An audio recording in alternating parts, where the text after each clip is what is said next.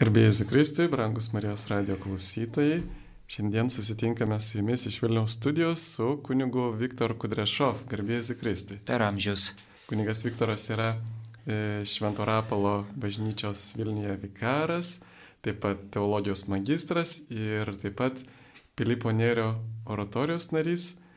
Tai kunigė Viktorai gal galėtum dar irgi papasakot, kas yra ta Pilipo Nėrio oratorijos oratorija, čia turbūt Vilniuje įsikūrusi ir, ir kas tai yra, ką jūs ten veikiate. Gera būti studijoje ir, ir gyvai su jumis būti ir bendrauti. Ta oratorija, tai yra kunigų bendruomenė, kad palaikytume vieni kitus maldoje, šventojų dvasioje, su džiaugsmu, nes to džiaugsmo vis trūksta mums irgi tarnaujantiems, nes daug dalykų, kaip tam anegdote sako, tris mišes paukojau, nebuvo kada pasimelsti. Tai kad būtų ir, ir pasimelsti. Ir kartu irgi tai yra bendruomenė įkurta čia Vilniuje, kad tarnautume arkiviskupijai, kad būtume drąsūs, kad palaikytume vieni kitus ir meustumėmės iš už popiežių, vyskupus, irgi kunigus, naujus pašaukimus, turime bičiulių ratą, kurie ateina žmonės ir labai daug e, per tas metus nuo įkūrimo čia Vilniuje labai daug žmonių tikrai žino apie tą bendruomenę.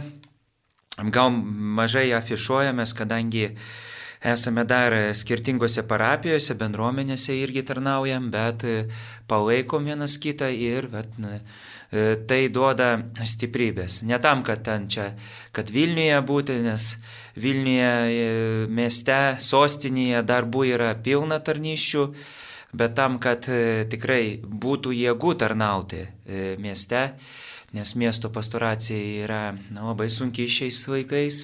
Jeigu nori, jeigu nenori, tai galima anonimiškumą įjungti ir savo koplyčiui sėdėti arba kažkur sportuoti, kažką daryti kito. Tai va, tai na, labai džiaugiuosi, kad esu. Ir, ir aišku, buvo laikas, kai reikėjo pasiruošti tam įstojimui į oratoriją, nuskaistinimo laikas e, ir praktikos. Tai va, tai, tai esame ir, ir kviečiame žmonės ateiti į maldos susirinkimus. Būnam ketvirtadieniais nuo 19.30 19 val. Antakalnio 4 prie Anglijos ambasados. Aišku, dėkui, tikrai turbūt reikalingas dalykas kunigams sustiprinti, nes irgi daug girdime ir įvairių tokių ir nelaimė kunigų dvasinėme gyvenime ir turbūt labai yra svarbu tas toksai palaikymas ir gal teko girdėti, ar daugiau yra tokių kunigų bendruomenių Lietuvoje. Tai, aišku, mes kunigai girdėjau, kad važiuoja gal bendruomenių tokių ne, nėra, susitikimai Kauneva buvo su arkivyskupu, bet e, labai kunigai važiuoja vienuolynus, susikaupimo dienai, rekolekcijoms, e, e, kursų susitikimai būna, tai va, tai, tai nu, tokie geri ženklai, tikriausiai yra ir daugiau. Taip, ačiū. Turime jau žinutę. Taip, parašė klausytoja, gaila nepasirašęs klausytojas, ar teisinga per pelenų dieną mišes kartu aukoti ir laidotuvių? Žinau, kad keletą dienų kada laidotuvių mišios neaukojamos būtent per tokias didžiausias e, iškelmes, per e, ir man rodos pelinų diena, e, tiksliai nežinau, ar jinai patenka, reikėtų pažiūrėti, gal tu kuniga Viktorai žinai. Tai yra gavėnios pradžia, bet tai yra pelinų barstimas ir, ir, ir šventos mišios, yra pelenų barstimas, yra sakramentalija, nėra sakramentas. Tai mišios irgi galimos maukoti ir už gyvus, ir už mirusius. Bet aišku, akcentuojame gavėnios pradžią, e, atgailą, nuodimingumą, kad atmestume atgailą ir, ir susitaikinimą akcentuojame, nes tai yra pradžia gavėnios. Galimos taip, sutinku, kad yra kelios dienos per metus, kai neaukojame mišių. Yra irgi, mm, pavyzdžiui, nu, irgi dencija mm, parapijos už parapiją. Tai irgi ten tik už parapiją, kai buvo neseniai, už ligonius, tik už ligonius. Ar vakar už tevinę Lietuvą meldėmės. Tai yra intencija ir nerašoma yra. Tada arba atskiros mišios aukojamos, už mirusį arba aukojamos mišios būtent pridedant, ypatingai čia mieste, yra su, sudėtinės mišios, tai, tai galima aukoti.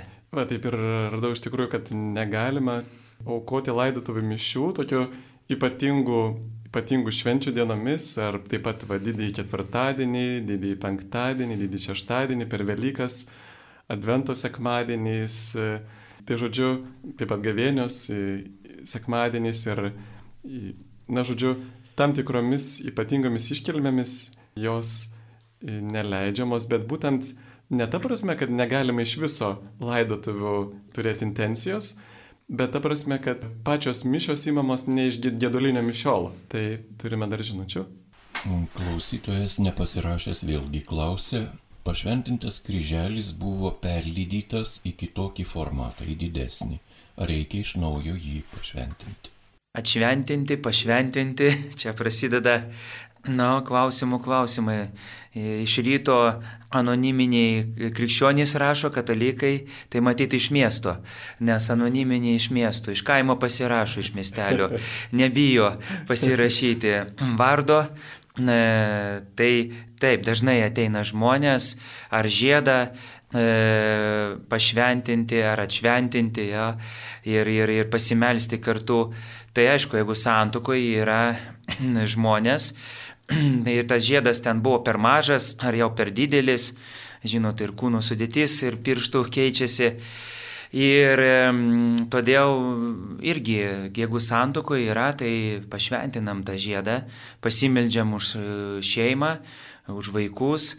Geriausia tai aišku padaryti, kviečiame atnaujinti santokos įžadus, o čia dabar kryželis padarytas iš naujo, tai aišku, atnešti galima pasimelsti labiausiai už žmonės vietą, kurioje bus tas kryželis, e, kur jūs nešiosit gal ant savęs, tai irgi už jūs pačius pasimelsti. Maldos niekada nebus per daug. Nu, tas pašventinimas kaip iš naujo padaryto daikto yra. Na, tai, tai iš tos pusės. Kaip ir laiminam, na, pašventinam irgi mašiną, jo, kartą per metus ar būtą. Na, tai ten remontą, kurie padarom. Tai, vat, tai medžiamės ne tik už vietą, bet už jūs, už žmonės ir kas toje vietoje bus. Ačiū, dar turim žinučių. Rašo Virgilijus, garbėjai Jėzui Kristui, nuolat raginama melstis už popiežių vyskupus kunigus.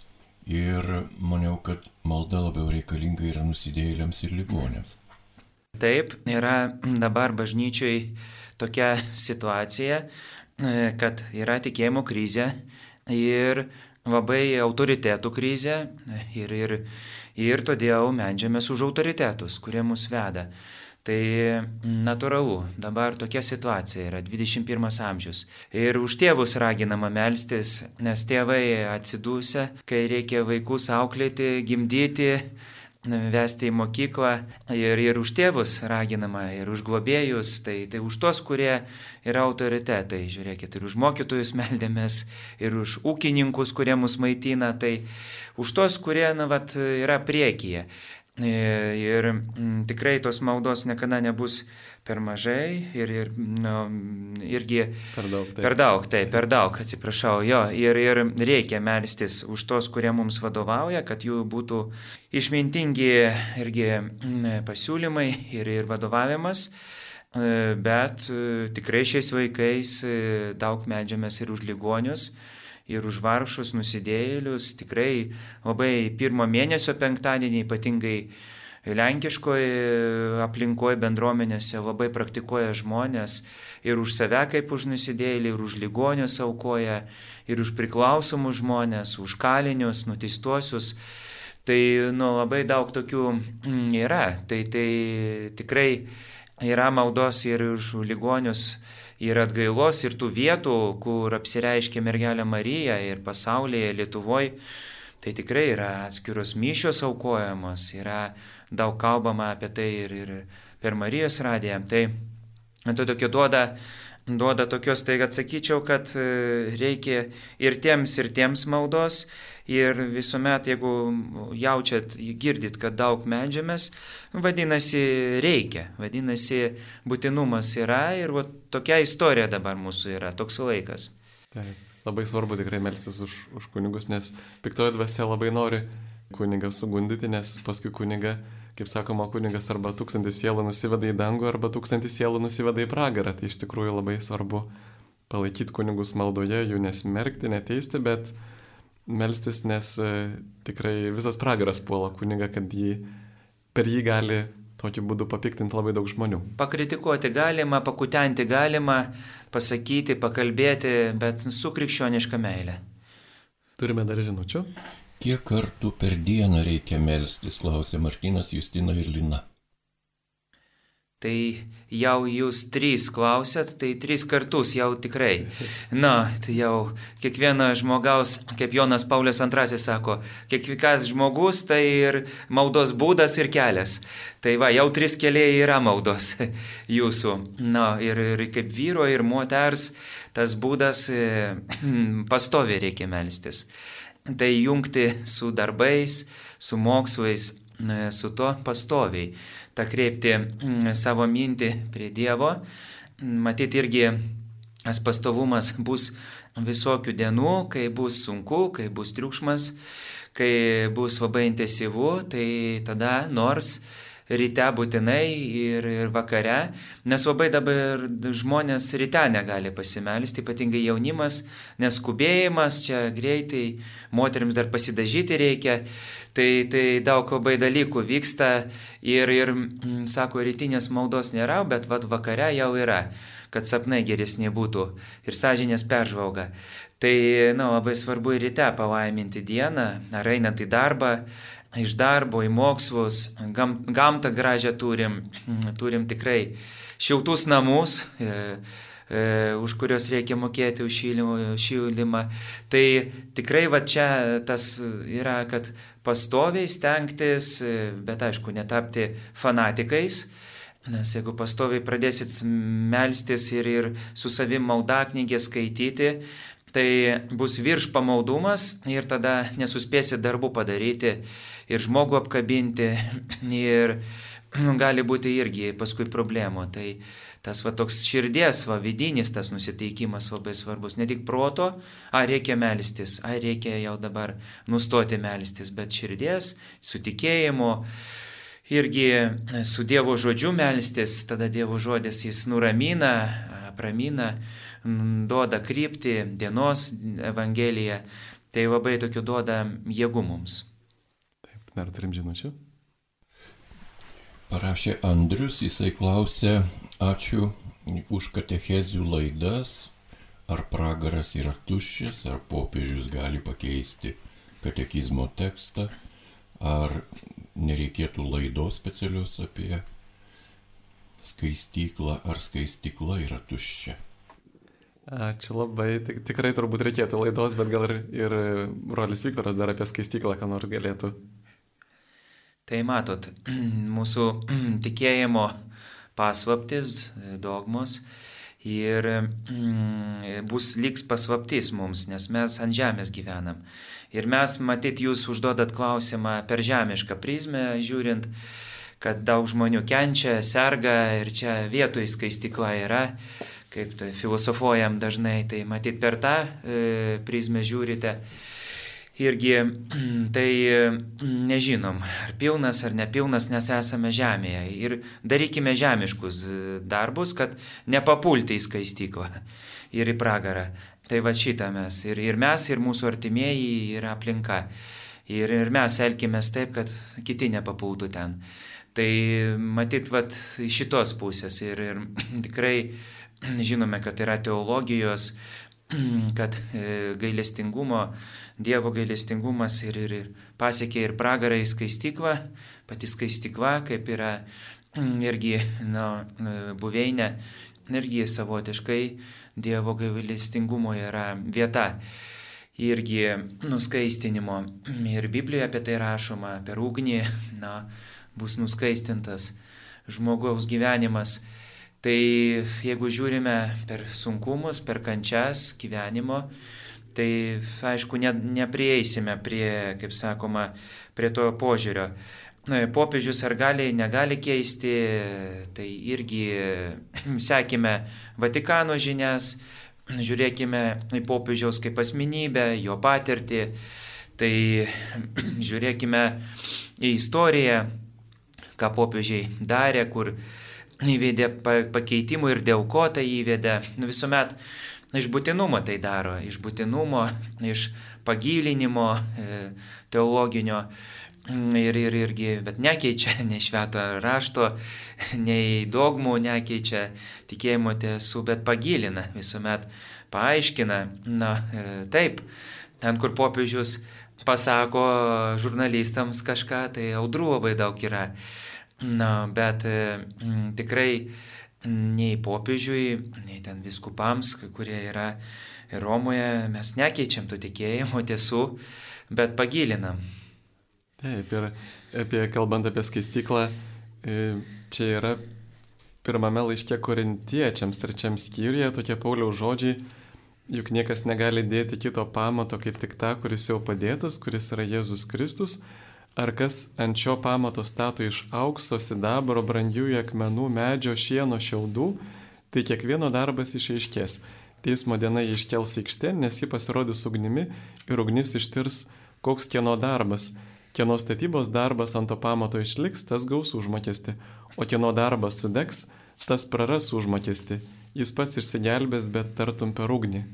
Tai va čia tas, ta nuoroda į skaistyklą ir Jeigu mes norėtume tikėti, tai aišku yra neprivaloma privačiuo prieiškimu, pavyzdžiui, e, Fatimoje žinia yra ta, kad mergelė Marija yra sakiusi, kad daugiausia žmonių po mirties patenka į skaistyklą, mažiau į pragarą ir dar mažiau tiesiai į dangų. Tai, tai reiškia, kad e, ir, ir pavyzdžiui, Jėzus šventai Faustinai kalbėjo, kad Dievo ištikimų sielų skaičius yra labai labai mažas.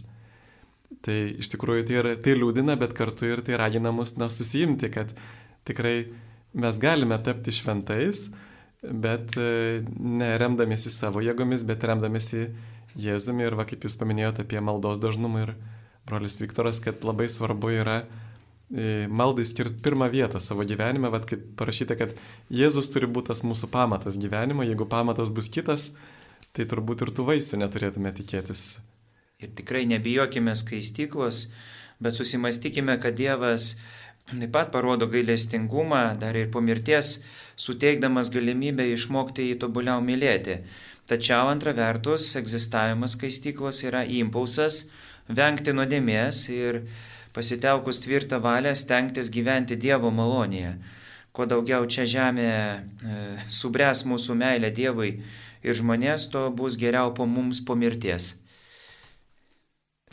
Taip, taip. Dar yra žinutė Ar galima per gavienę mokytis groti, pavyzdžiui, daugia būtyje? Nu tai per COVID pažįstami muzikontai pasakoja, kad buvo prastai. Kai bandė groti, tai radiatoriai birbėjo, kad negrotų, nes visi girdėjo. Bet dabar, kadangi daug žmonių dirba, eina pasivaiščioti gryną orą, yra reikalų, tai aišku, dienos metu E, groti galima, jeigu gera namų izolacija yra. Jeigu ne, nu, tai tada muzikos mokykloje kažkur, tam tikrose vietose, kur galima groti, bet gavėnios metu tikrai mokytis reikia visą gyvenimą ir, ir galima mokytis groti ir tikrai tą darykite, nes pastovumas duoda gerų rezultatų. Bet jeigu kyla va tokia nubaimė dėl kaimynų, yra iš tikrųjų technologiniai sprendimai, pavyzdžiui, sintezatoriai, prie kurių gali prijungti ausines, gitaros, prie kurių gali prijungti ausines ir kad tu tik vienas tai girdėtum. Tai šiais laikais technologijos leidžia apsaugoti kaimynus ir iš tikrųjų mes labai daug patiriam tos, to triukšmo, tikrai žmonėms yra svarbu ir ypatingai vėlesniu metu, va, kada grįžta labai svarbu tikrai saugoti tylą, tai yra didelė vertybė iš tikrųjų.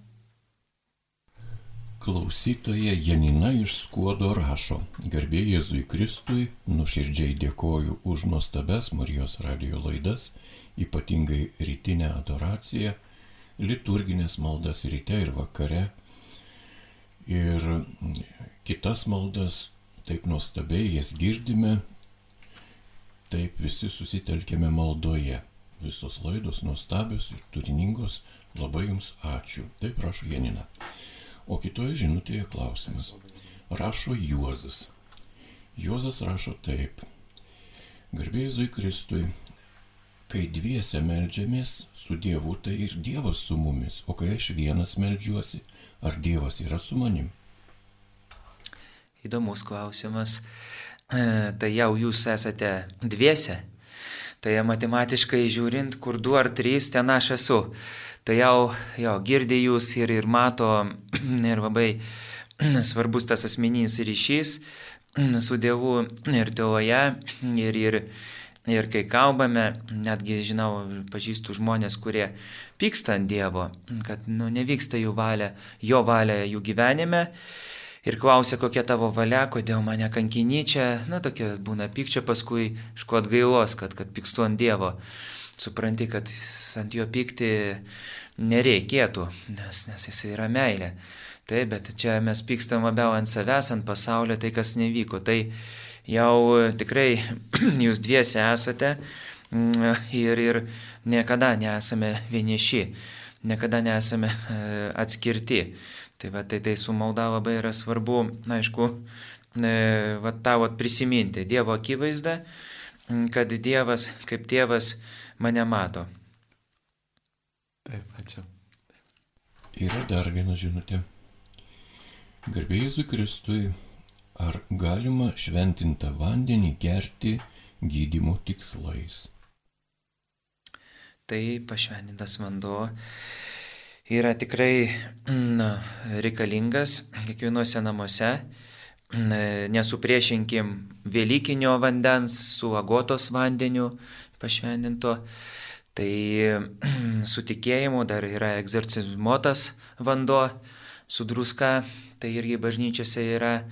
Galite Arkangelo Rapalo bažnyčią ateiti, visa bačka stovi iš dešinės pusės Vilniuje čia. Ir, ir tikrai galima gerti, bet ne magiškai, ne tai, kad čia dabar gersiu tą vandenį ir pasveiksiu, bet e, vanduo yra priminimas, yra, yra ženklas, e, kad Dievas mane stiprina ir padėkoti už vandenį, padėkoti, kur jis buvo šventintas, e, kur irgi už tą vietą ir, ir irgi tokį turėti nu, nusiteikimą, ar ten vaistai, ar vanduo gali doną valgyti, jo agotos. Mm, ir sakyti, mane Dievas apsaugo. Tiek jau sukėtėjusi, tai geriau nevalgyti, nes gydytojai sako, kad duona sukėtėjusi yra pagrindinė priežastis e, dantų sulaužimo. Tai. Taip, taip. Vienas čia jo, mano draugas pažįstamas valgė e, stiprų maistą, tai dabar turi pas odontologą eiti. Tai va, tai, tai nu, labai svarbus tas vanduo priminimas mums ir iš Senojo testamento, kad Dievas pervedė Izraelį per vandenis, išgelbėjo krikšto vandenį, primena pašventinimą kad mes kaip pašvakstimą turime per sumas, e, sekmaninių mišes, tai irgi ir nuodėmė atleidimas ir priminimas, kad dvasinė kova vyksta, kad Dievas apvalytų kūną ir sielą. Tai vanduo mūsų namuose svarbus. Tik pažįstu žmonės, kurie deda tą vandenį litrais ir laiko, o per Velyknaktį netgi ateidavo žmonės, dabar rečiau tą matau, kaimuose tai su alaus e, buteliu tuščiu arba su degtinės. Nusako, kokie turėjau tarą, tokie turėjau. Gal norėjau, kad Dievas vandenį paverstų į vyną. Matyt, arba degtinę. Na, tai va. Bet va dar yra toks geras principas, subsidiarumo principas, kad e, aš negaliu Dievui duoti tai, liep užkrauti Dievui tai, ką pats galiu padaryti. Ir Dievas niekada už mane nepadarys to, ką pats galime patys galim padaryti, pavyzdžiui, ką gydytojas gali padaryti, arba aš net negaliu užkrauti gydytojui tai, ko pats galiu padaryti. Pavyzdžiui, norėčiau, kad gydytojas man išrašytų vaistų, bet man paprasčiausiai reikia daugiau pasportuoti galbūt. Tai va, yra iš Siracido knygos 38 skyriaus tokia citata apie gydytojus. Brangink gydytoją, nes jis tau svarbus, juk viešpats jį sukūrė, juk iš aukščiausiojo eina jo gydimo dovana ir iš karaliaus jis gauna pragyvenimą Gydytojo žinojimas daro jį žymų ir didžiūną jam pagarbą reiškia. Viešpats įželdina į žemės vaistažolės, kurių protingas žmogus neturėtų niekinti. Ar vanduo nebuvo pasalytas šakelė medžio, kad būtų pažinta jo jėga. Jis suteikia mirtingiesiems žinojimą, kad būtų pašlovintas savo nuostabiais darbais. vaistažolėmis gydytojas gydo ir malšina skausmą, o vaistininkas iš jų gamina savo vaistus. Na, žodžiu, kad ir, ir kartu yra kita vieta, mano vaikė, kai sergi nelūkuriuok, bet melskis viešpačiui, kuris tave išgydys. Atsisakyk savo įdų, laikyk savo rankas švarias ir palik savo širdį nuo visų nuodėmė. Tai va čia matom viską, ko reikia, kad būtume išgydyti. Tai visų pirma, turime atsakyt, atsisakyti savo nuodėmių, antra, turime melstis Dievui ir trečia, taip pat turime eiti pas gydytoją. Tai va labai svarbu visą tai. Na ir vanduo yra stichija. Tai irgi yra sutvėrimas.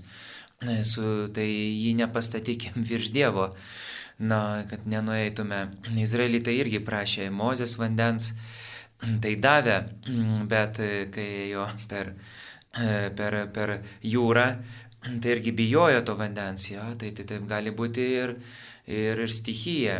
Kai kur žinau, kad e, dabar yra patarimas daug gerti vandens ir, ir, ir to švaraus vandens, filtruotų vandens.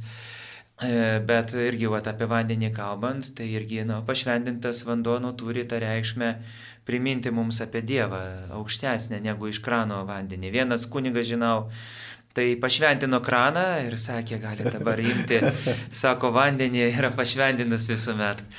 Yra mintis taip. Dar viena žinutė. Gerbėjai Kristui, kaip kunigai jūs atlaikote kai kurių parapiečių pernelyg įkyrų norą pavadovauti jums? pamokyti jūs, kaip atlaikote pasididžiavimą savo teisumų tų parapiečių, o ne Kristaus tiesa. O kaip jūs at... palaimos maldoje už kunigus. Ačiū. O kaip jūs atlaikot savo žmonas ar vyrus? Mes tai žinot, para, su parapiečiai susitinkam ir paskui grįžtam namo būna ramybė, bet kai jūs turit savo žmoną ar vyrą ar, ar kitą artimą ir, ir nuo jo negali palisėti, tai aš manau jums daug sunkiau šio klausimu. Tai. Mhm. Na taip, čia šitas irgi kontratsakymas, bet e, atlaikyti tas jo. E, mm, tai įdomus žodis atlaikyti. E, labiausiai tai, aišku, aš mildžiuosi už tokius žmonės, Meldžiuosi, stengsiu, stengiuosi suprasti, ką žmogus nori paklausti, nes nu, kažkoks yra kontekstas, kad taip klausia, jo, kažką išgirdo, perskaitė, ieško nu, gilesnio atsakymo. Mm, tai va, iš tos pusės. Nes, Arba nes... melžiamės, kad nueitų tas žmogus į kitą bažnyčią. Tai. Na, tai perdodam kitiems, tik ne egzorcistams. Na, nes e, kiekvienas kunigas gali palaiminti žmogų ir pasimelsti už jį. Tada irgi skiriu laiko zakristijoje, arba sakau, ateikit po mišių, pasikalbėsim, pasiginčysim. E, tas dalykas, tai irgi kalbamės nu, per pamokslus tada atsakai, nu, tą atsakymą irgi ir aišku, kaip sakė, Sigitas sakė, tai irgi grįžti į koplyčią, grįžti į veiklą, aš katę turiu, tai paglostai katę, tai irgi nusinuima tą tokį ir pamastai, pro langą pažiūri, gamtoj pabūnė, sportas.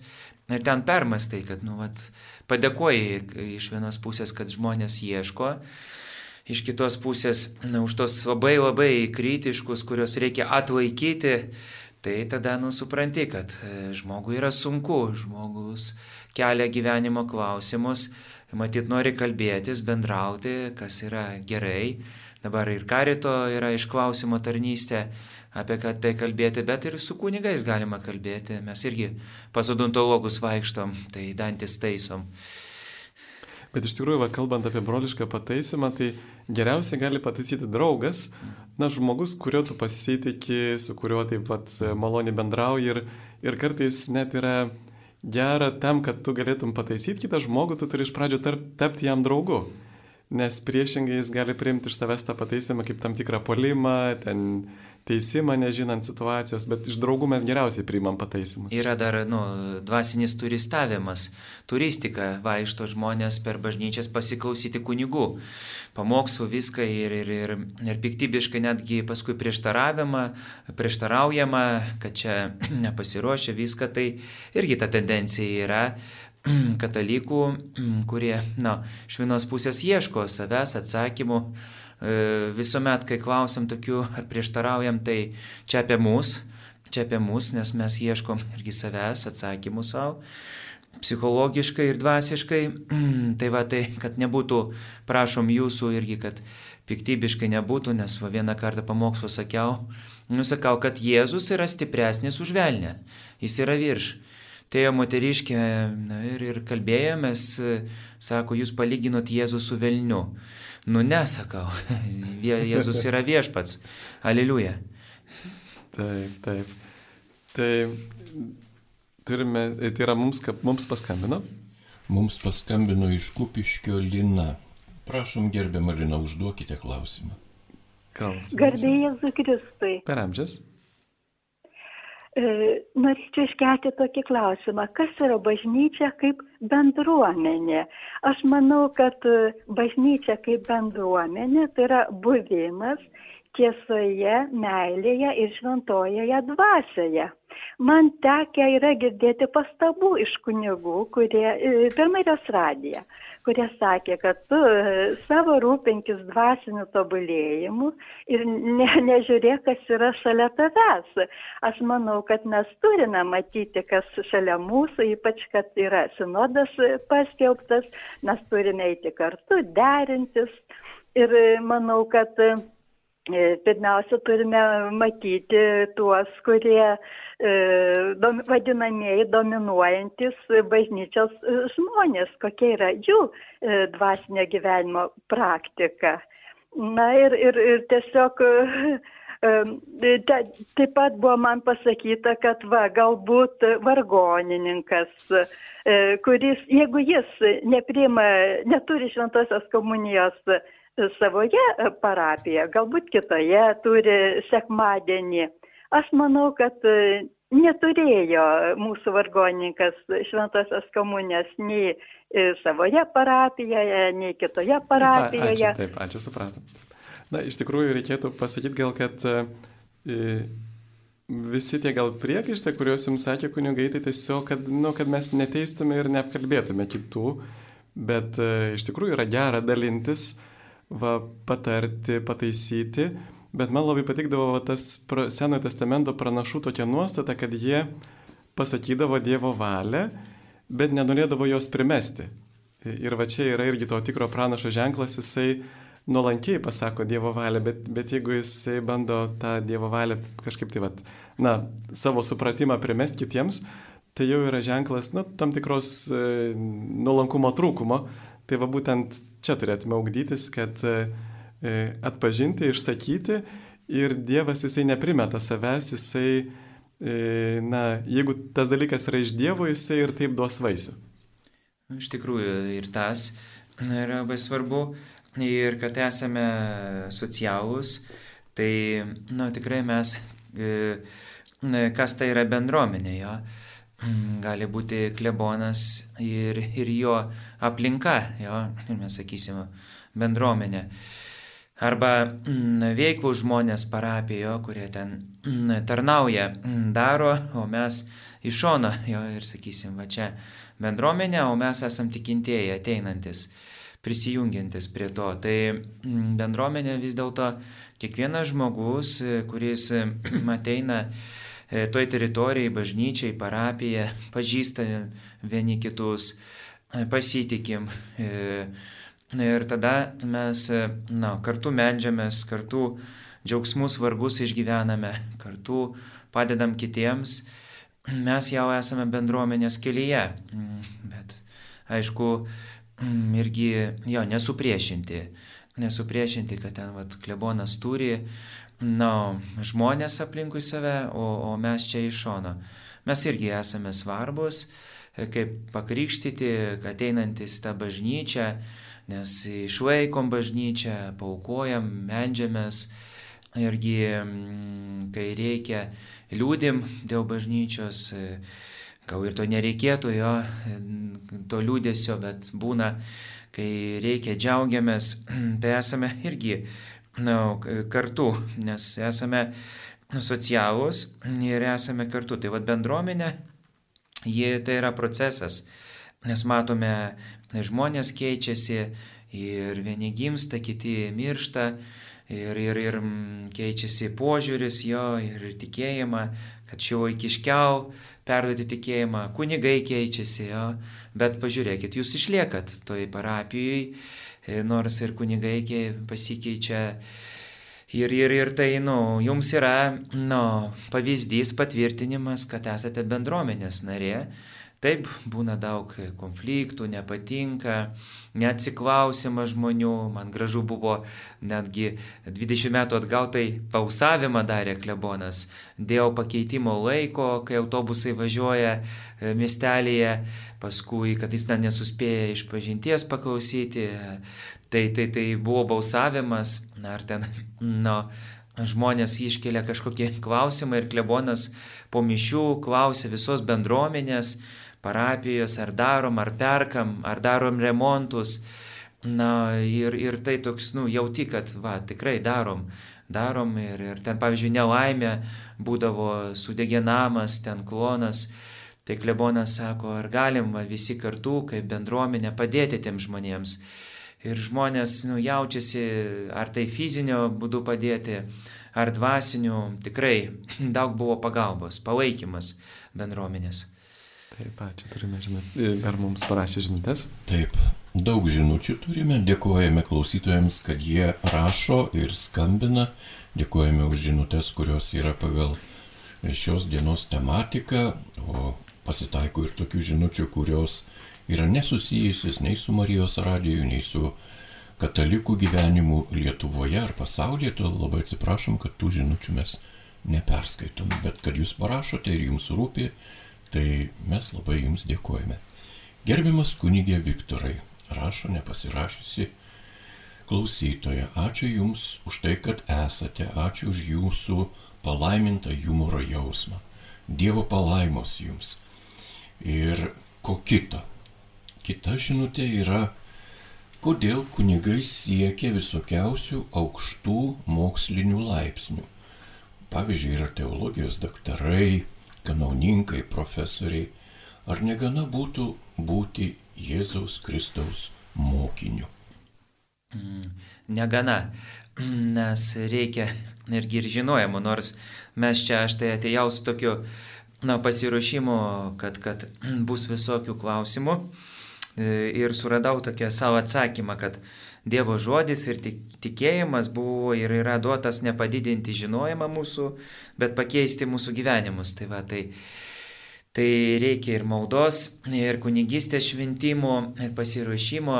Ir, ir mes irgi Vilniaus kunigų seminarijoje septynis metus mokėmės irgi ir teologijos magistro laipsnį ir bakalauro turime. Tai tam, kad e, su to pasauliu galėtume kalbėti tie laipsniai reikalingi, kad eitume į pasaulį. Eitume į tą pasaulį, kur daug pagonybės yra, daug visokių burtininkavimų ir filosofijų dabar. Kiekvienas savo nuomonę turi, kad, kad nu, irgi mokėtume kalbėti su to pasaulio, irgi pasaulio kalba. Tai aišku, laipsniai mus nepadaro e, aukščiau kitų žmonių, nes žinojimas kartais išpučia, kaip paštaus Paulius sako, o meilė ugdo, tai mes ugdomės meilėje, kad, kad tai yra intencija ne dėl savęs, bet dėl bažnyčios, dėl kitų žmonių. Irgi tai netrukdo tikrai nuolankumui, kuo daugiau žinai, e, tuo daugiau bijai, bus pareikalauta, tai irgi prisimenam Biblijos žodžius. Tai tikrai tie laipsniai reikalingi ir diplomai, kad eiti, pavyzdžiui, trūksta dabar kunigų psichologų. Vilniuje aš tik du pažįstu. Ir tai, na, nu, į viešumą, ačiū Dievui, vienas ateina, kitas mažiau eina. Ir o reikia irgi psichologinių atsakymų žmonėms, psichiatrinių netgi. Na, tai, na, tai tokia vat mintis yra, ar ten darbas su šeimom. Na, tu turi, nu, kažkokias žinias turėti, nu, negali pasakyti, aš baigiau seminariją, dabar kalbėsiu apie šeimą. Na, tai man va tas visuomet užnugaris yra pagrindas, kad aš studijavau, skai, skaitau, kad aš domiuosi toj srity, na ir dvasinių dalykų ekspertas esu, bet ir tuos vat, moralinių dalykų ir vat, tų dalykų, kuriems rūpi šiandien žmonėms. Tai, tai vat, aš taip atsakyčiau, kad man tikrai netrukdo, aš ant sienų diplomų nekabinu, e, viskas stalčiui guli su testamentu apie po mirties, tai viskas šalia yra. Taip, ir ypatingai Šventoji Teresė Vilietė kalbėjo apie tą e, kunigų išsilavinimą ir jinai sakydavo, kad e, yra gera, kad e, nuodėmklausys būtų išsilavinęs, nes jis gali, tas išsilavinimas galim duoti daug šviesos sielai apie įvairius dalykus ir netgi sakydavo, kad va štai jeigu e, reikėtų rinktis e, tarp švento ir išsilavinusio nuodėmklausio, tai aišku, kartais net geriau yra ir išsilavinęs nuodėmklausys, nes šventas jisai ves tik tai tuo keliu, kurį patį Dievas veda, O tas, kuris yra studijavęs vat, bažnyčios tradiciją, bažnyčios mokymą, jisai žino ir kitus kelius, kuriais Dievas gali vesti sielą. Tai žodžiu, nereikėtų supriešinti, bet kaip ir paminėjau kunigas, kad tai neturėtų vesti mūsų į puikybę. Taip turėtume tada dar labiau stengtis e, gyventi meilę, kad nepasipuikuotume. Patikėkite, kad klausykloje tikrai žmonės ne tik eina iš pažinties, bet daug užduoda stiprių klausimų, kaip ir jūs užduodat, ir reikia skaityti, mokytis, svartyti. Konspektų dar seminarijos nesudeginau, bet, aišku, pavojus yra internete viską skaityti, daug katalikiškų yra dalykų, bet yra knygos. Dievo žodėje, studijuoti Dievo žodį, irgi daug atsakymų, tai eina ypatingai pastoraciniai laiškai Pauliaus, na, Jokūbo laiškas, labai ateina irgi daug atsakymų, aišku, reikia komentaro tam ir, ir tai yra užnugaris, nes tikrai dažnai aš ne, nemoku atsakyti dėl nuovargio, dėl to, kad tai yra išpažintis, o žmogus nori, tai kviečiu tada į dvasinį pokalbį, prisimenu žmogaus klausimą, paskaitau, pastudijuoju ir, ir tai padeda. Taip, ačiū dar. E, a, taip, dar turime tokių klausimų iš anksčiau tai tuoj perskaitysiu. E, į kod... Mhm.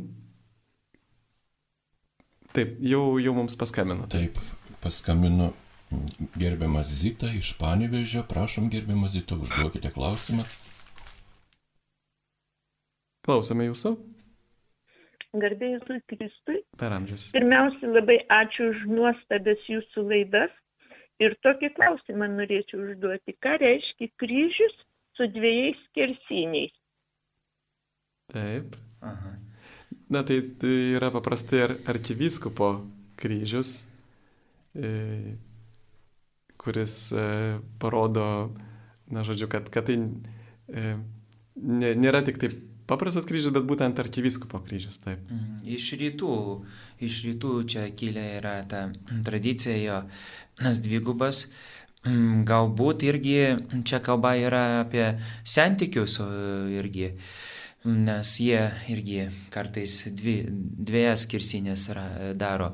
Ortodoksai vieną, o santykiai turi dvi, nu toks irgi teologinis ten paaiškinimas yra, dabar sunku atsakyti apie tą, E, bet gal... Bet jis taip pat yra ir naudojamas ir, ir kitur, ne tik tai arkiviskopo kryžius, pavyzdžiui, ir, ir Lietuvoje vat, yra naudojamas įvairiose, įvairiose herbuose ir, pavyzdžiui, policijos ten karo aviacijos simbolikoje.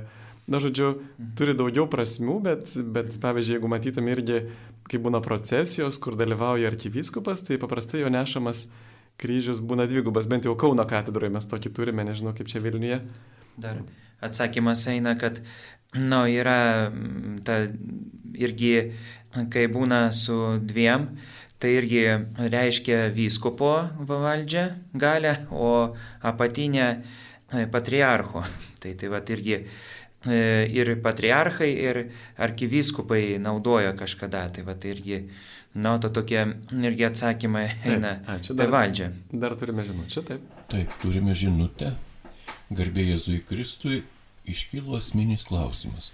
Kadangi Biblijoje Dievas yra vienas ir vienintelis Izraelio viešpats Jahve, nėra net žodžių krikščionybė, pavyzdžiui, švenčiausioji trejybė, trys karaliai arba puolės angelas ar sekmadienis, Tai kas tas krikščionių Dievas pagal Bibliją?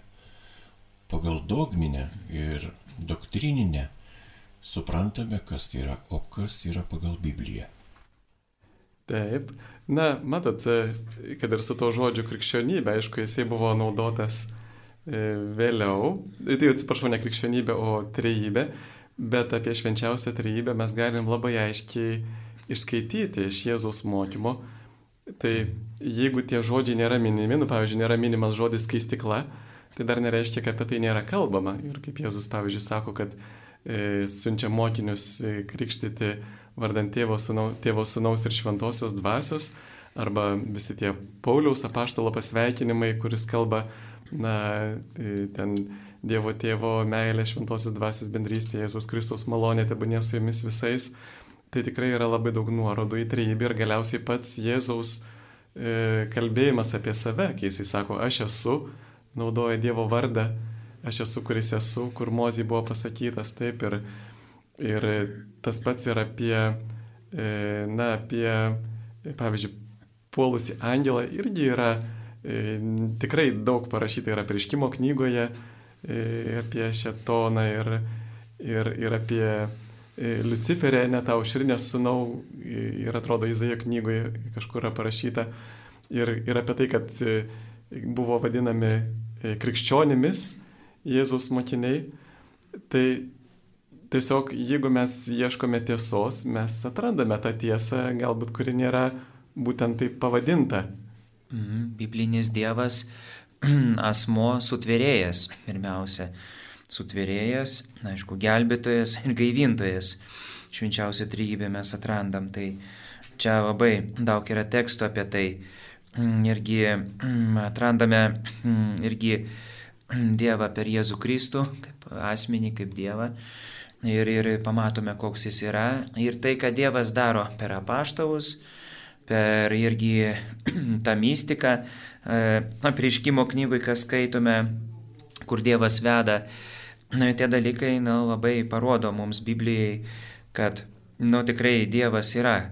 Maksas Plankas, e, vokiečių fizikas, kvantų teorijos pradininkas, sakė, kad tikintiesiems Dievas visuomet stovi pačioje pradžioje, tas biblinis toks, o fizikams visuomet visų apmąstymo pabaigoje yra Dievas. Tai na, labai yra svarbu, jo, ta, kad klausėt apie tą Biblijos vaizdą kaip apie tėvą. Dievas, prisiminkime, kad yra tėvas. Tai ir, ne, ir todėl tėvė mūsų meldžiamės jo išmokinta Jėzaus Kristaus malda. Tai na, labai gerai, kad ieškote irgi e, to irgi dieviškumo Biblijoje. Tikrai jis yra pristatytas kaip asmo, kaip sutvėrėjas, gelbėtojas ir gaivintojas. Taip, mums paskambino. Mums paskambino Genuvaitė, bet ji, na, e, padėjo ragelį, paprašė persakyti jums jos klausimą. Klausimas toks, ką daryti? Jos anūkė šiuo metu ruošiasi pirmai šventai komunijai. Ir jų parapijoje yra įprasta, jog vaikai sekmadienį per švenčiausio sakramento E, teikimą eina palaiminimo. Ir anukėlė užmiršo sukryžiuoti rankeles, jai buvo paduotas komunikantas ir jinai jį priėmė. Ar vaikas labai nusidėjo, ką daryti? Tai, tai lenkiškose parapijose, jeigu rašė iš tikrai čia Vilniaus e, rajono ar miesto arkiviskupijos, tai yra, na, nu, mes kunigai kartais suklystam, nes yra du dalykai. Nes lenkiškose tradicija, jeigu sukryžiuotos rankos, tai žmogus priima komuniją. O lietuviškai sukryžiuotos rankos tai palaiminimo ir dar galvos palinkimas. Ir čia aš dažnai paklausiu, nes pagal vaiką matau, kad mažo ūgio dar nepriėmė ir klausiu tėvų, ar priėmė ar ne. E, ir tada, na, tada taip, lietuviškai taip, su pirštu ant lūpų ir tada viskas aišku. Ja? Ir, ir, ir tada atskiri. Tai aš Utenoj irgi pirmąją komuniją suteikiau kaip klerikas. Nežinodamas, nes mama, nu, nepasakė, ten irgi vaikas ėjo kartu su mama, sukryžiuotos rankos ir vaikas pasakė amen, su tikėjimu viską, tai, tai ir priėmė komuniją, paskui po mišių atėjo paprašyti užrašyti pirmai komunijai. Na, tai va, tai būna ir taip. Tai aš manau, kad nu, tikrai nuodėmės nebuvo, nes, nes vaikas, nu, irgi atėjo ir Jėzus tikrai palaimino, prisilietė, tik, na, aišku, tai bendruomenėse yra skirtumų, kaip, kaip suprasti tos ženklus. Ir tėvai turėtų būti budresni pasakyti kunigui, ypatingai jeigu važiuojate kitą parapiją ir ten kitaip yra, na, tai reikia pasakyti kunigui, kad dar ruošiamės pirmai komunijai. Aš manyčiau taip. Taip, ir labai svarbu, kad mes turėtume teisingą nuodėmės supratimą, nes nuodėmė yra tik ten, kur yra supratimas ir laisvas e, pasirinkimas, laisvas pritarimas, laisvas nesipriešinimas. Tai va tų dviejų dalykų reikia - supratimo ir laisvės. Ir jeigu vaikas neįsai supranta, galbūt jam trūksta to supratimo, tai aišku, ten nebus ir jokios nuodėmės. Taip. Daug žinučių, kuriuose klausytojai dėkoja jums gerbiamas kunigė Viktorai ir jums kunigė Sigitai už linksmumą, už nuotaiką gerą yra išeiginės dienos, žmonėms norisi to džiaugsmo daugiau patirti, mm. tai labai dėkoju už jūsų kūriamą nuotaiką šioje radio laidoje. Iki pertraukėlės dar turime penkias minutės. Štai kokia žinutė. Žmona po santokos pradėjo žiauriai keiktis. Sakė, visą gyvenimą taip darė, tik draug, draugaujant kartu tai nuslėpė. Taip pat ji nenori turėti vaikų, nes pasak jos gimdymas darko jos kūną, atima sveikatą, nori naudoti kontraceptinės priemonės. O aš noriu vaikų, tai prašo vyras, ar galioja mūsų santoka, o mes turime jau vieną vaiką. Na tai taip, jūsų situacija tokia sunki, tai dėl tų kieksmažodžių taip. E, kai įsimylim, kai draugaujam, tai gėdėmės, gėdėmės vieni kitų ir, ir vis tiek yra gėda ten net nagų neapkirpti jo, ar ten kalbėti, bet paskui išvaisvėjam po santokos.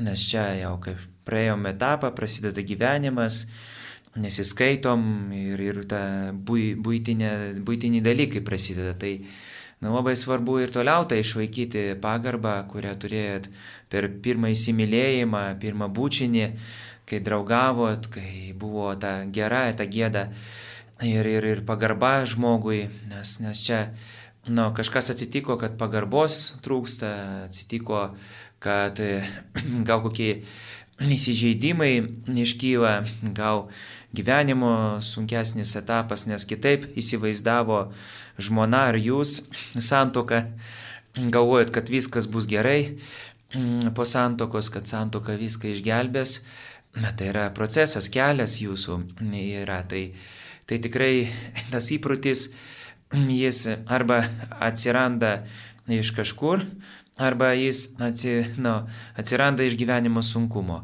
Gal žmogus, nu tikrai mažai meldžiasi, nustoja eiti į bažnyčią, gal tikrai kokie sunkumai, tai va tą išaiškinti. Antras klausimas dalys, tai nu, sunkesnė yra, jo, nes čia yra santuoka galiojanti, bet na, nepanaudota. Nepanaudota nėra. E, Ne, bet e, minėjo, na. kad vis dėlto tu turi vaiką vieną, nes jeigu iš viso vaiką. neturėtų jokių vaikų jo. ir neturėtų, taip, nenorėtų, tai tada būtų negaliojanti, nes čia yra būtina mm. sąlyga, taip. noras turėti vaikų, bet, bet dabar vieną vaiką jau mm. turite ir vis tiek, na, e, aišku, kontracepcijos naudojimo bažnyčia nepritarė. Ir e, tai yra negeras dalykas ir geriau naudotis natūraliu šeimos planavimu, kuris tikrai yra, e, tie nauji metodai, jie tikrai nenusileidžia efektyvumu visiems tiems, visoms toms kontraceptinėms priemonėms, nes tos pačios pačios efektyviausios kontraceptinės priemonės, pačios efektyviausios, jos dažnai būna ir abortuojančios. Taigi yra rizikinga, jos turi ne tik kontraceptinį poveikį, bet ir abortuojantį. Ir moteris net nežinodama, ten nežinau, kokie nors E, ten sprelę naudodama arba dar kažką tai panašaus, jinai padaro keletą abortų per metus. Tai tie dalykai yra rimti iš tikrųjų ir, na, bet vis tiek mes negalime priversti kito žmogaus kažkaip va taip manyti, kaip mes manome, bet, bet čia turbūt reikėtų pradėti nuo meilės santykių ir nuo maldos. Kaip šiandien sako Šventas kryžiaus Jonas, ten, kur nėra meilės, siekite meilę ir pjausite meilę ir ypatingai turėtume melstis už kitus, ypatingai už artimuosius Ir va, maldoje, čia kaip ir sporte, labai tinka tokia taisyklė pradėti nuo mažų dalykų. Na, pavyzdžiui, nu, kad ir pradėti nuo vieno sveika Marija ar vieno poterio per, per dieną ir paskui galim vis daugiau melstis. Bet svarbu vat, išsaugoti, va, kiekvieną dieną, nors po truputėlį pasimelsti ir ta bendra malda, malda už kitą žmogų tikrai, tikrai duos vaisių. Praktiškai tai aišku, jums tas procesas yra, kad reikia ir, ir kalbėti su žmona, ir, ir savo nuomonę pasakyti, gerbti jos laisvę, gali būti pogimdinė depresija, kad žmogus išsigando to gimdymo ir, ir, ir neštumo, yra daug tokių žmonių. Ir, ir tikrai kalbėkite ar tarpusavėje, ar su psichologo, gal kunigo pagalba, nes nu, tai tokie dalykai labai svarbus išaiškinti, kodėl žmogus taip masto, gal kokios sunkumas koks yra moteriai ir, ir tikrai nu, nėra blogia, bloga moteriškė, kad ten taip yra dabar, kaip yra jūsų šeimoje, mylėkite pirmą vaiką irgi, nu, tai ir jūsų meilės vaisiai, tai irgi duos. Ir tai, ką darote, ką turite, mylėkite, tikrai Dievas parodys jums tą kelią gerą. Taip, ačiū dabar, per traukėlį sugrįšim po 10-15 minučių. O per traukėlės metu, mėly radio klausytojai, jūs girdėsite Gabrielės Gvazdikaitės kūrinį Ateiti su viltimi Palaiminto jums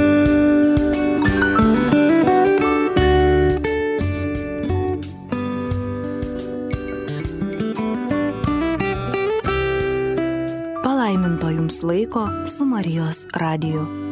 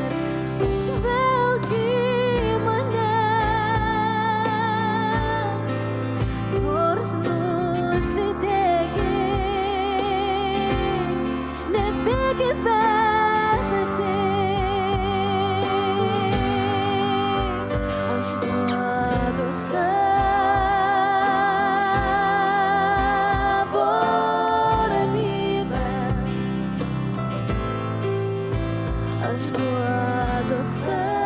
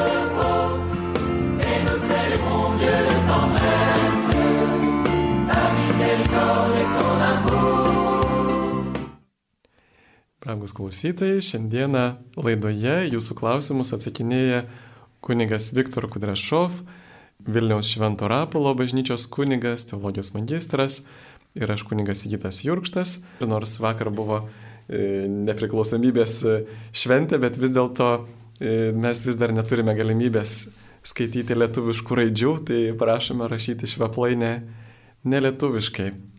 Na ir turime jums parašę žinučių. Taip. Yra tikrai labai daug žmonių parašiusių žinutės, bet prieš pat muzikinę pertraukėlę mums skambino Regina iš Kauno ir jį paprašė perduoti jos klausimą. Aš jį dabar ir perpasakosiu. E, Jos giminės yra vyresnio amžiaus žmonės, jau labai vyresnio amžiaus žmonės ir serga e, Alzheimeriu ir ko kito ir turi problemų, nesiorientuoja ir norėtų e, šiems žmonėms pakviesti kunigą, kuris suteiktų e, sakramentą ligonio. Ar galima tokiems žmonėms, kurie nesiorientuoja, priimti šį sakramentą? Tai e, gerai, kad turi tokią mintį mm, e, pakviesti. Tai ne tik tai pas žmogų Jėzų atnešti taip, bet ir pašventinti tą aplinką, jūs padrasinti, kurie rūpinatės jais. Tai yra labai svarbu dėl jūsų, dėl jūsų šeimos, giminės. Ir jeigu rūpinatės namuose, tai, tai yra nu, nuostabu, nes labai daug kas rūpinasi globos namuose arba nesirūpina. Ir čia labai yra tas svarbus dalykas, e, nu, kad yra noras, jo, nes ir jūs tikriausiai priimat Jėzų į savo gyvenimą, tai ligonių sakramentą tikrai galima teikti. Iš patirties daug kartų žmogus prabūsdavo iš komos, ar, ar m, ten buvo m, temperatūra pakilusi, žmogus atverdavo akis, nes girdi. Girdi, kad kunigas atėjo, tėvė mūsų maldos, gerus žodžius apie, apie žmogų. Ir, ir kartu netgi viena močiutė tėvė mūsų sukalbėjo, priėmė sakramentus, komuniją ir vėl užmygo. Atsipalaidavo ir kvepavimas e, normalizavosi. Na, tai, o tokių yra stebuklų, mano patirti kunigystės, tai tikrai kviesti, melstis, nes žmogus girdi, žmogus jaučia, žmogus, labai žmogų svarbu už rankos paimti, ir tas ligonių patepimas irgi, na, ypatingai žmogų paliečia, kad žmogus vis tiek jaučia, kad šalia yra, nesu vienas tamsoje lygoje. Tai, tai tikrai pakvieskit. Na, aišku, e, problema būna iš mūsų pusės kunigų, kad e, kai nekalba žmogus, jo nesupranta, Tai labai greitai tai atliekame, sakramentus priimam. Iš vienos pusės, kad nevarginti žmogaus, e, jeigu žmogui tikrai nori įsigulėti, miegoti, na, vaistai ten veikia, tai mes ir nevarginam, bet, na, irgi, tai bus labai neilga malda, tai neįsigaskit to. Dar galima pridėti, yra toks reiškinys kaip terminalinis aiškumas, na, angliškai terminal lucidity, kada žmogus, kuris netgi turi visiškai pažeistas smegenis, jisai prieš mirtį tam tikrų metų pradeda, pavyzdžiui, aiškiai kalbėti, aiškiai suprasti. Ir kuningas Robert Spitzer, e, krikščionio apologėtas, kataliko apologėtas, kuris daug yra rašęs apie klinikinę mirtį, apie žmogaus sielos įrodymus, irgi mini tokie atvejai, tokia Ana Katerina Egmer, kuri buvo neįgaliųjų namuose ir visą gyvenimą, na tik tai kokius gyvūnų garsus kažkokius pamėgdžiadavo, niekart nei vieno žodžio nebuvo ištarusi ir staiga prieš mirtį, pusvalandį prieš mirtį, jinai pradėjo gėdoti giesmes apie amžiną ramybę. Tai vis dėlto matome, kad na, yra žmogaus kūno tam tikrie apribojimai, bet, bet kartu žmogus turi sielą, kuri viską supranta. Ir kartais tam tikrais momentais ta žmogaus siela gali netgi pasireikšti per kūną, ypatingai prieš, prieš mirtį. Turime daug žinučių ir viena iš jų yra būtent tokia. Ar bus laida Atsakyk drąsiai, kur bus atsakyta į visus neatsakytus klausimus. Nes kiekvienas klausimas yra tikinčiųjų gyvenimo akimirka. Per Marijos radiją visiems tikintiesiems yra duota galimybė paklausti, tačiau kunigas Jurkštas pasirenka SMS klausimus, kurie jam patinka, tą ir paskelbia. Taip anksčiau nebuvo, tai nekrikščioniška, bet to SMS skaityti turėtų kitas žmogus, nelaidos vedantysis. Tai prašo pagarbiai Dominika ir Janina. Turėčiau atsakyti ir aš, nes aš priimu jūsų gerbiami radio klausytojai klausimus ir noriu pasakyti tokį dalyką. Tikrai daug skambinančių dažnai ne tiek nori paklausti, kiek nori pasipuikuoti kad paklausė į eterį ir jų balsas nuskambėjo visame pasaulyje ir Lietuvoje. Dažnai jūsų klausimai būna kaltinimai, e, smerkimas, niekinimai. Pavyzdžiui, šiandien mane išvadino komunistu. Aš esu labai laimingas, todėl kad XIX e, amžiuje gyveno kunigų bendruomenė, jie save vadino komunistai, nes bolševikai iš Rusijos daug ką yra pavogę tame tarpe ir žodį komunistas. Tai yra komuniją priimantis žmogus ir gyvenantis komunijoje. Mes visi esame komunistai. Mes esame komunistai.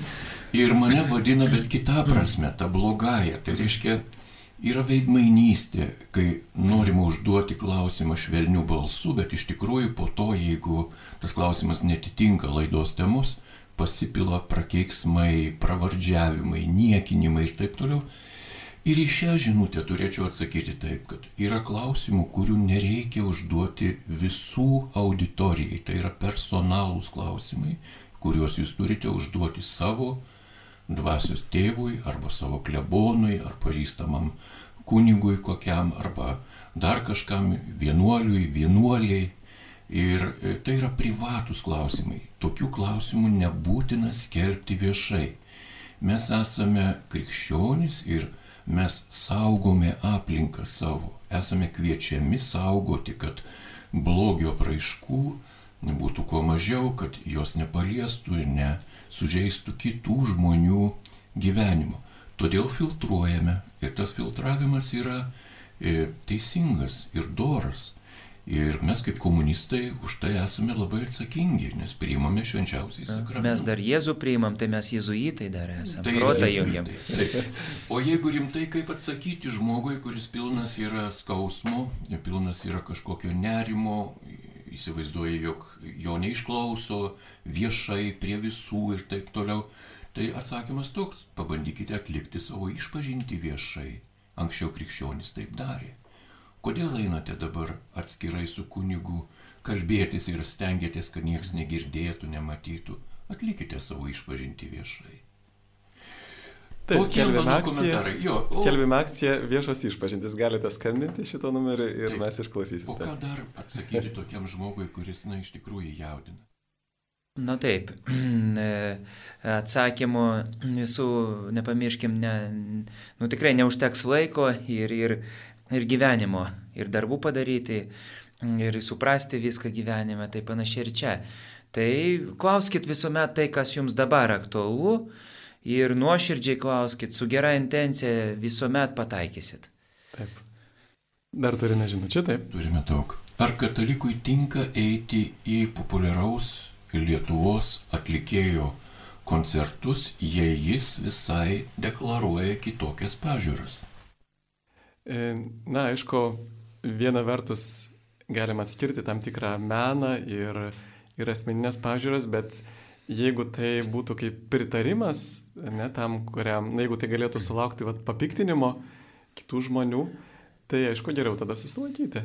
Nu, taip, e, pažįstu ir girdėjau, ir egzorcistai eina, metalistų koncertus, kad pažinti, suprasti, ko ten žmonės jauni išgyvena ir visi, tai iš tos pusės. Bet jeigu žinom, kad amoralus yra atlikėjas ar menininkas ir tikrai, na, e, e, Dievą neigia ir viešai dar kažką per meną tą darys, na, tai reikėtų susilaikyti.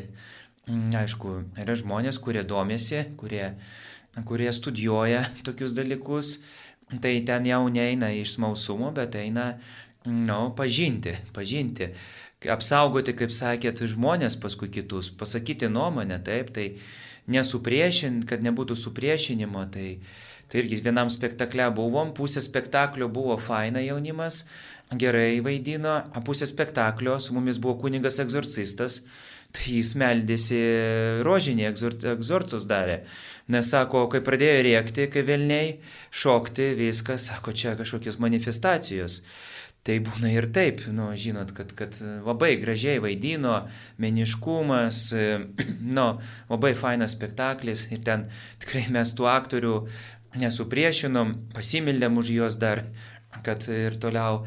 Bet vad būna taip, arba tyčiajimasis yra iš dvasinių dalykų ir tu žiūri į tai, jo, tai pažįstu žmonės, kurie išėjo tiesiog iš koncerto. Aš va dar turiu vieną žinutę iš anksčiau.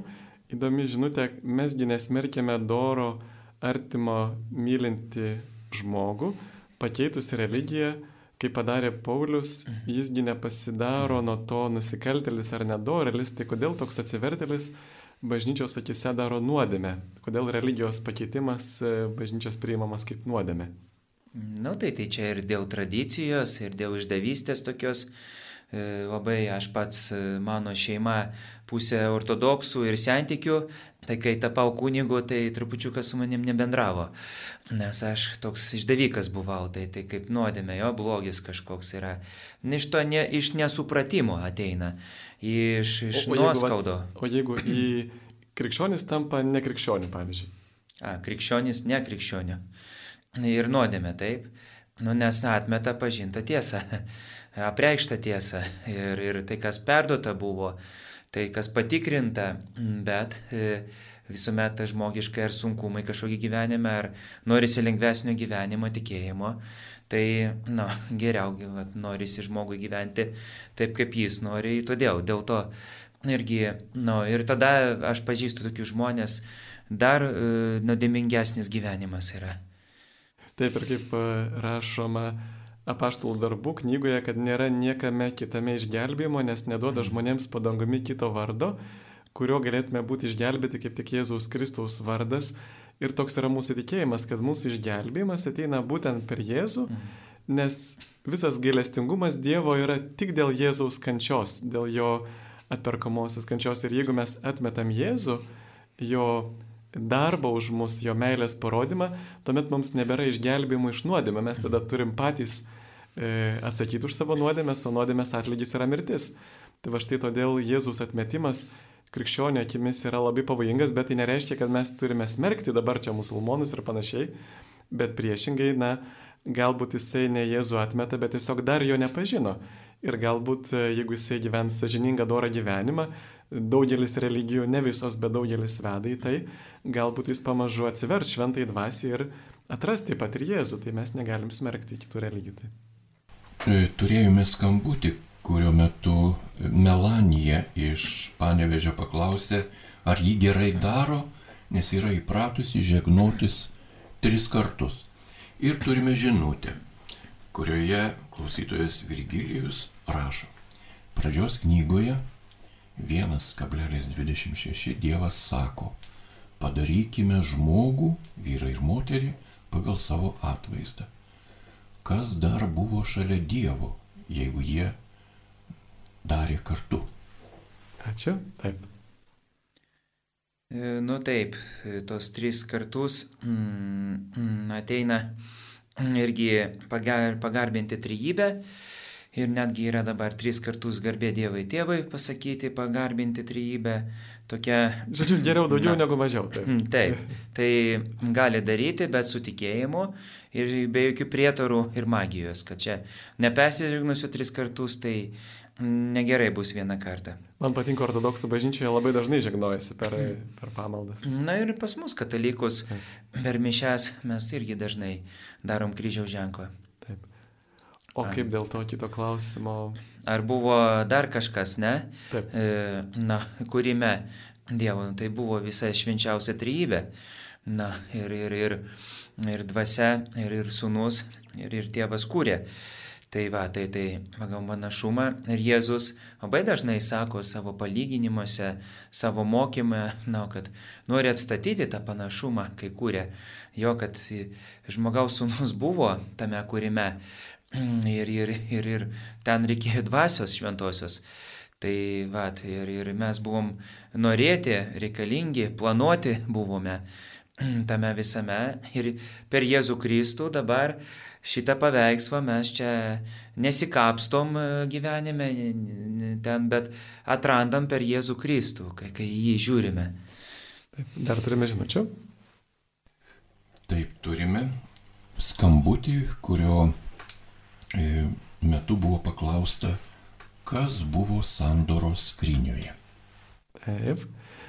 Na, sandoros skrynioje, jeigu gerai prisimenu, buvo sandoro, sandoros plokštės, Dievo įsakymų dvi plokštės. Žinoma, ant vienos plokštės yra tie įsakymai apie Dievo meilę, ant kitos apie artimo meilę.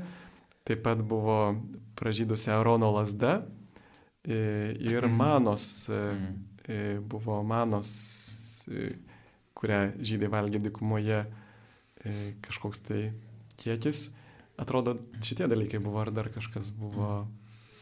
Mm, Taip, ir čia mm, tas e, Dievo buvimo e, ženklas mm, tarp e, tautos ir, ir, ir vasda, manna ir, ir, ir, ir tas Dievo mm, įsakymai tikrai tokie mm, duoda tokias stiprybės, o jau Saliamono laikais, manoma, yra pirmoji karalių knygoje, aštuntam skyriui, devinta eilutė, kad tik tai buvo, mm, tik tai buvo e, tos Dievo, žo, dievo įsakymo tik tai e, plokštės buvo. Nes ir nežinome, kas atsitiko, atsitiko su ta mm, irgi e, e, ta arka, taip, kas atsitiko, bet tai na, labai svarbus dalykas, kad, e, na, priminė apie Dievo buvimą. Ir tie daiktai, aišku, priminė apie tą išėjimą. Nu, Ir čia galime irgi Mm. pastebėti, kad tie, tie daiktai Mhm. iš tikrųjų simbolizuoja Jėzų Kristų. Mhm. Ir ne veltui Marija yra vadinama ta sandoros skrinė, va kaip paprieškimo knygoje 12 skyriuje, kad ir pasirodė danguje didingas ženklas, Mhm. bet prieš tai yra apie, e, kad pasirodė sandoros skrinė. E, Ir e, va čia apriškimo knygos 11 skyriaus pabaigoje ir atsidarė danguje Dievo šventikla ir pasirodė šventikloje jo sandoros skrinė. Ir paskui pasirodė dingas ženklas, moteris apsisiautusi saulė. Taigi visi tie trys dalykai, jie simbolizuoja Jėzų Kristų. Žiūrėkite, Dievo įsakymai. Taip, juk pats Jėzus yra tas, per kurį visa sukurta. Jis yra tam žinoji išmintis. e, Ir jis yra, jis mums duoda naują įsakymą ir jis pats yra Dievo žodis.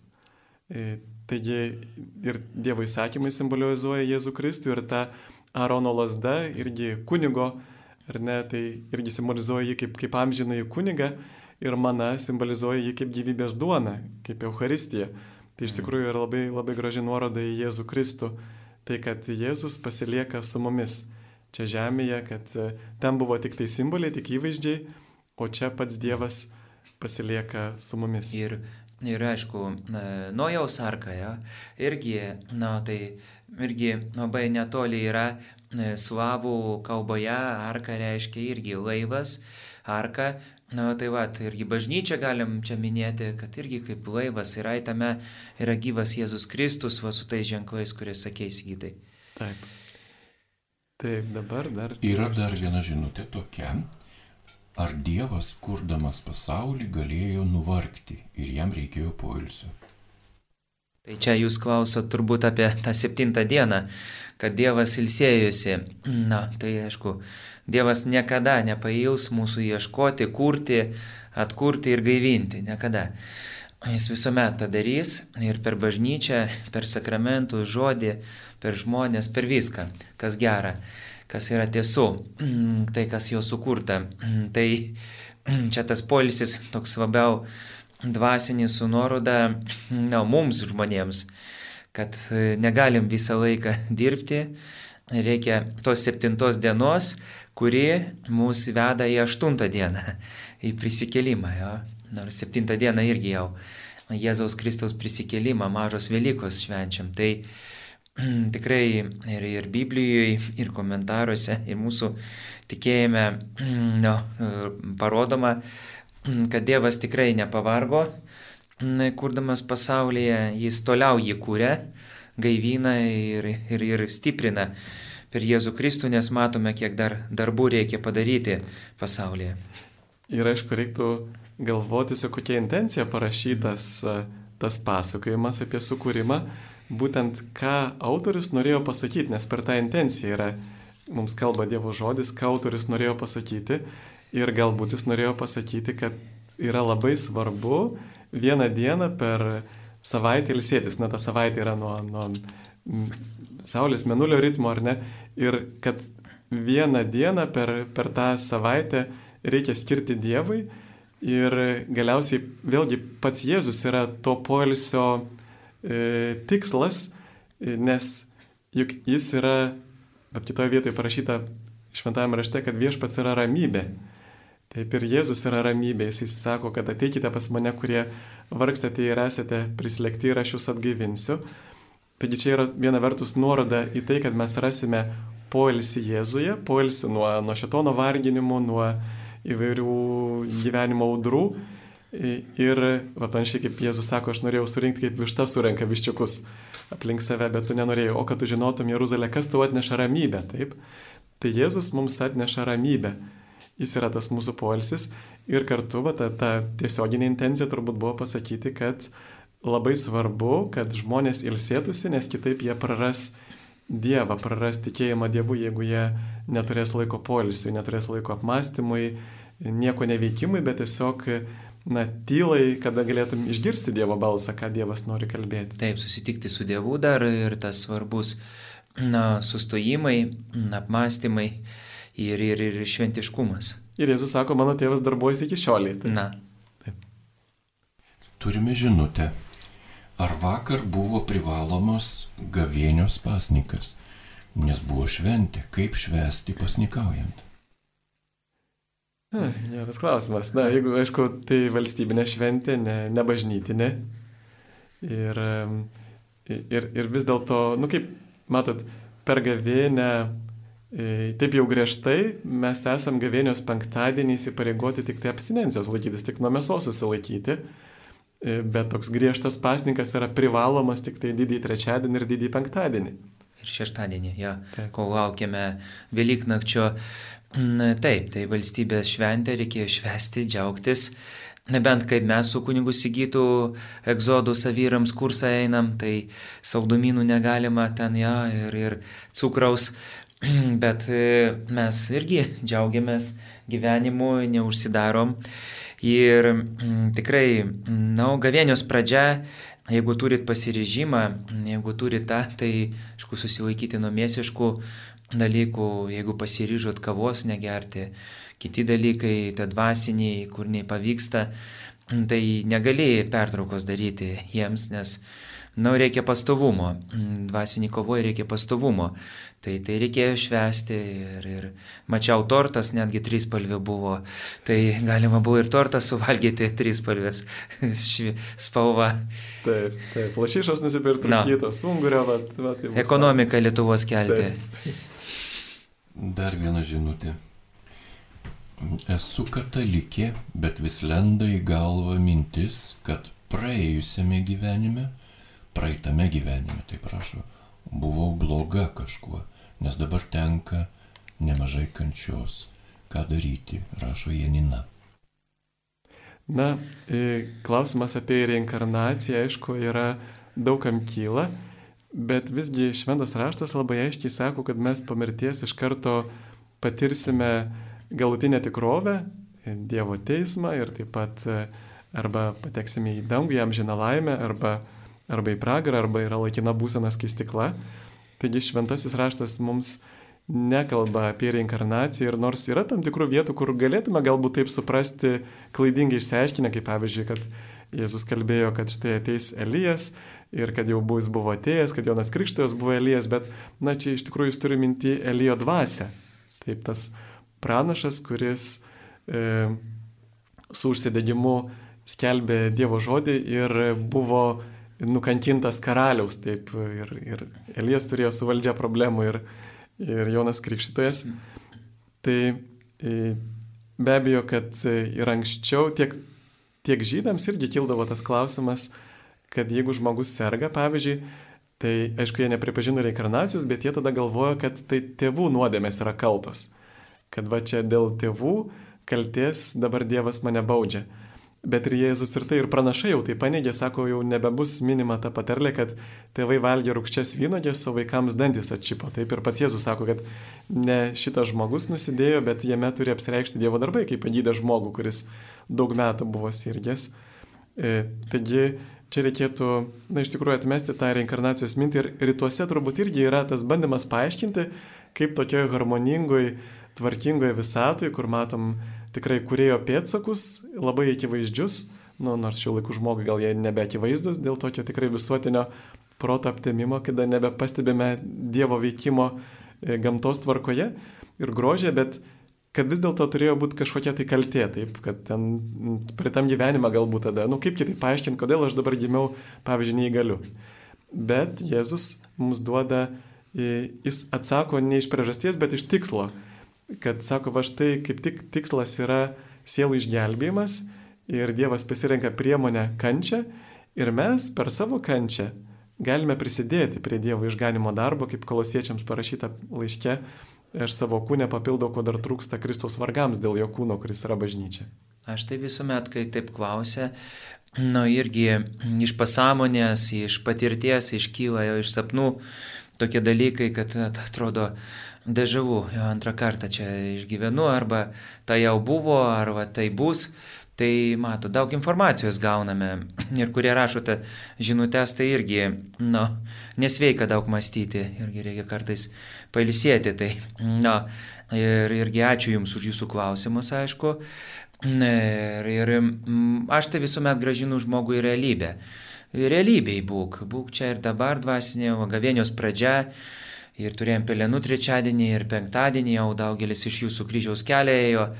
Tai kas atsitiko tada Jėzui kančioje, kai nešė kryžių į Golgotą, tai e, dabar realybėje tai viskas atsitinka, kad mes jo kryžiaus kelyje irgi einame, jis su mumis yra. Tai va tai visuomet grįžti į realybę. Tada labai padeda na, neiti į tokius klausimus kažkur, kur mes nesuprantam, kur yra paslaptis mums. Taip, čia dar turime. Mums uh, skambino Onutė iš Kauno ir uždavė tokį klausimą, anksčiau skambino, kuo skiriasi egzorcistas kunigas nuo įtaiga gydančio gydytojo, pavyzdžiui. Mhm. Nu taip, dabar mm, daug privačių klinikų yra, daug e, me metodų yra, kaip gydyti, vaistų, irgi knygų parašyta, kaip gydyti ir dvasinių, ir psichologinių, tai ko skiriasi. Tai aišku, e, tas gydytojas ir kunigas egzorcistas, na, baigia mokslus ir, ir nėra vieni, turėtų konsultuotis, turi, turi turėti užnagarį ir, ir vis mokytis ir, ir, ir su gera intencija tai daryti, taip. Na, bet gydytojas, aišku, turi tą na, specialybę labiau irgi gydyti kūną, jo, ir prisiliesti kaip psichiatrai, psichologai prie dvasios, jo. Tai va, tai eina per kūną dvasios priežasčių, e, e, gydytojas, egzorcistas, gydytojas, kunigas e, žiūri būtent į sielą, į vidų, jo, žiūri ir išorę na, ir jungia tos visus dalykus. Tikėjimas ir Jėzus taip gydė, ja, gydė ir vidų, ir išorę gydė, ir gydo prisiliečia. tai va tai kaip Jėzus, egzorcistas. Ir, Ir dar aišku, turbūt reiktų nu, pridėti, kad pagrindinis skirtumas, mm. bet jūs gal norėtumėt pasakyti, kad na, tas egzorcizmas tai gal čia vat kaip hipnozė, tik savitaiga, mm. bet nieko panašaus. Mhm. Va kaip e, e, kunigas Arn- Arnoldas Falkauskas liudijo, tokį porą atvejų yra 15 minučių interviu su juo labai įdomus, 15 minučių.lt. Ir e, jisai liudijo, pavyzdžiui, e, viena moteris, kuriai darė egzorcizmą, jin pradėjo jį smaukti, bet ta moteris buvo labai trapi, visiškai jauna, silpna moteris, bet jį su tokia jėga pradėjo smaukti, kad jis kaip stiprus vyras nebegali nuo jos at- atsiginti. Ir sako, kas čia dabar bus, jis man, mane pasmauks. Ir sako, Jėzaus Kristaus vardu nustok. Ir jinai taip pat nustoja. Arba, pavyzdžiui, kitas žmogus buvo, kuris irgi egzorcizmo metu išbėgo ir ten bėga kažkur į ežerą šokti ar kur tai. Ir jisai atrodo nieko nebegali padaryti, sako, Jėzaus Kristaus vardu sustok. Ir tas žmogus sustoja. Tai va, kada yra piktosios dvasios veikimas, o atskirimą padeda padaryti tai, kad e, vaistai neveikia tada. Pavyzdžiui, psichiatriniai vaistai ir kitokie jie neveikia. Ir tada Jėzaus Kristaus vardu, Jėzus, kuris nugalėjo šetoną, kunigas veikia Jėzus Kristaus vardu ir bažnyčios autoritetu. Nes kuo skiriasi egzorcistas nuo kitų kunigų, kad egzorcistą bažnyčia pasirenka ir jį, jam suteikia galę bažnyčios vardu atlikti, išvaryti piktąją dvasę. Bet aišku, didžiausias egzorcizmas, kaip pat sako patys egzorcistai, yra išpažintis, kada aš nustoju slėpti savo nuodėmes, už kurių piktoji dvasia gali užsikabinti, bet leidžiu Jėzui pašalinti nuodėmes ir kartu tada ir piktosios dvasios e, gale bus sunaikinta. Taip. Mums paskambino Nijolė ir paprašė perskaityti eilutę iš Biblijos. Aš ją ir skaitau dabar autentišką. Neduokite kas šventa šunims ir nebarstykite savo perlų keuliams, kad kartais jų nesutryptų ir atsigražusios jūsų pačių nesudraskytų. Nijolė klausė, kaip tą reikia suprasti teologiškai. Taip, ačiū. Na, e, yra įdomus dalykas, kad e, patarlių knygoje, pavyzdžiui, yra rašoma, kad kaip šuo vėl grįžta prie savo vėmalo, taip kvailys kartoja savo kvailystę. Žinot, šuniukai turi tą tokį įdomų, įdomų įprotį, ką išvėmė paskui suvalgo. Skanaus jaugas valgot pusryt- pietus. Bet, žodžiu, jiems e, iš antro Petro laiško taip pat galima paskaityti, kad jiems yra nutikę, kaip teisingai sako patarlė, šuo sugrįžta prie savo vėmalų ir išmaudyta keulė vėl valiojasi purvynę. Tai matome irgi sugretinti tie du gyvūnai, šuo ir keulė, kalbant apie tai, kad e, grįžtama į savo senas nuodėmes. E, Aišku, mes galime aiškinti ir tai, kad e, tie gyvūnai tiesiog reiškia, nu, pagonių įvaizdis. Tai buvo, kurie žydai bent jau vadindavo taip pagonis, taip nepagarbiai. Bet, bet čia gali būti, kad būtent yra jau kalbama apie krikščionis, kurie, va čia paskaitysiu visą pilną tą vietą, pilną citatą nuo an- antro Petro laiško antroje skyriuje. E, Įžūlus akiplėšos jie nesudreba pikdžodžiaudami šlovingiesiems, tuo tarpu aukštesni jėga angelai viešpatės akivaizdoje nedrįsta jiems ištarti pikto sprendimo, bet jie kaip neprotingi gyvuliai tarsi iš prigimties skirti sugavimui ir užmušimui, pikdžodžiauja tam, ko nesupranta ir todėl pražus savo sugėdime. E, jie laiko pramogas muguriauti vidury dienos, jie purvini ir iškrypia, kai vaišindamiesi su jumis, su jumis, būtent čia eina kalba apie tuos, kurie dalyvauja bažnyčioje, smaguriauja savo putose, jų akis kupinos svetimavimo, nepasotinamos nuodėmės, jie suvedžioja sviruojančias sielas, jų širdis išlavinta godalystės, jie prakeikimo vaikai, palikę tiesos kelią, jie nuklydo ir pasuko keliu Bosoro sūnaus Balamo, kuris pamilo nedarybės atpildą, tačiau buvo subartas dėl savo nusižengimo. Jie yra šaltiniai be vandens, audros genami debesis, jiems skirta jodžiausia tamsybė. Skeldami išpūsas ir tušias kalbas, kūno geismais ir pasileidimu, jie pavilioja tuos, kurie yra vos pasprūkę nuo gyvenančio pagleidime. Jie žada, žada šiems laisvę, patys būdami sugėdimo vergai, juk nugalėtasis tampa nugalėjusiojo vergu. Bet jeigu ištrūkia iš pasaulio purvyno viešpaties ir gelbėtojo Jėzaus Kristaus pažinimu, jie ir vėl jame įklimpę pralaimi, tai jiems paskui darosi blogiau negu pirma.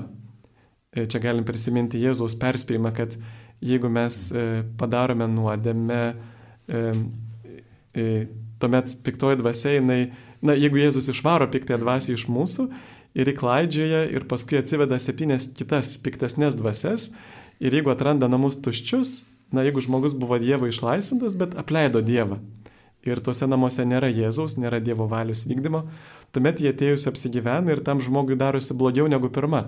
O todėl Jėzus sakydavo, kad eik ir nebenusidėk, kad neatsitiktų kas blogesnio. Tai vad gali būti, kad čia yra ta vieta būtent apie tokius krikščionius, kurie e, pametė, patys būdami išlaisvinti iš piktosios dvasios, pametė išgelbėjimą, pametė Jėzų.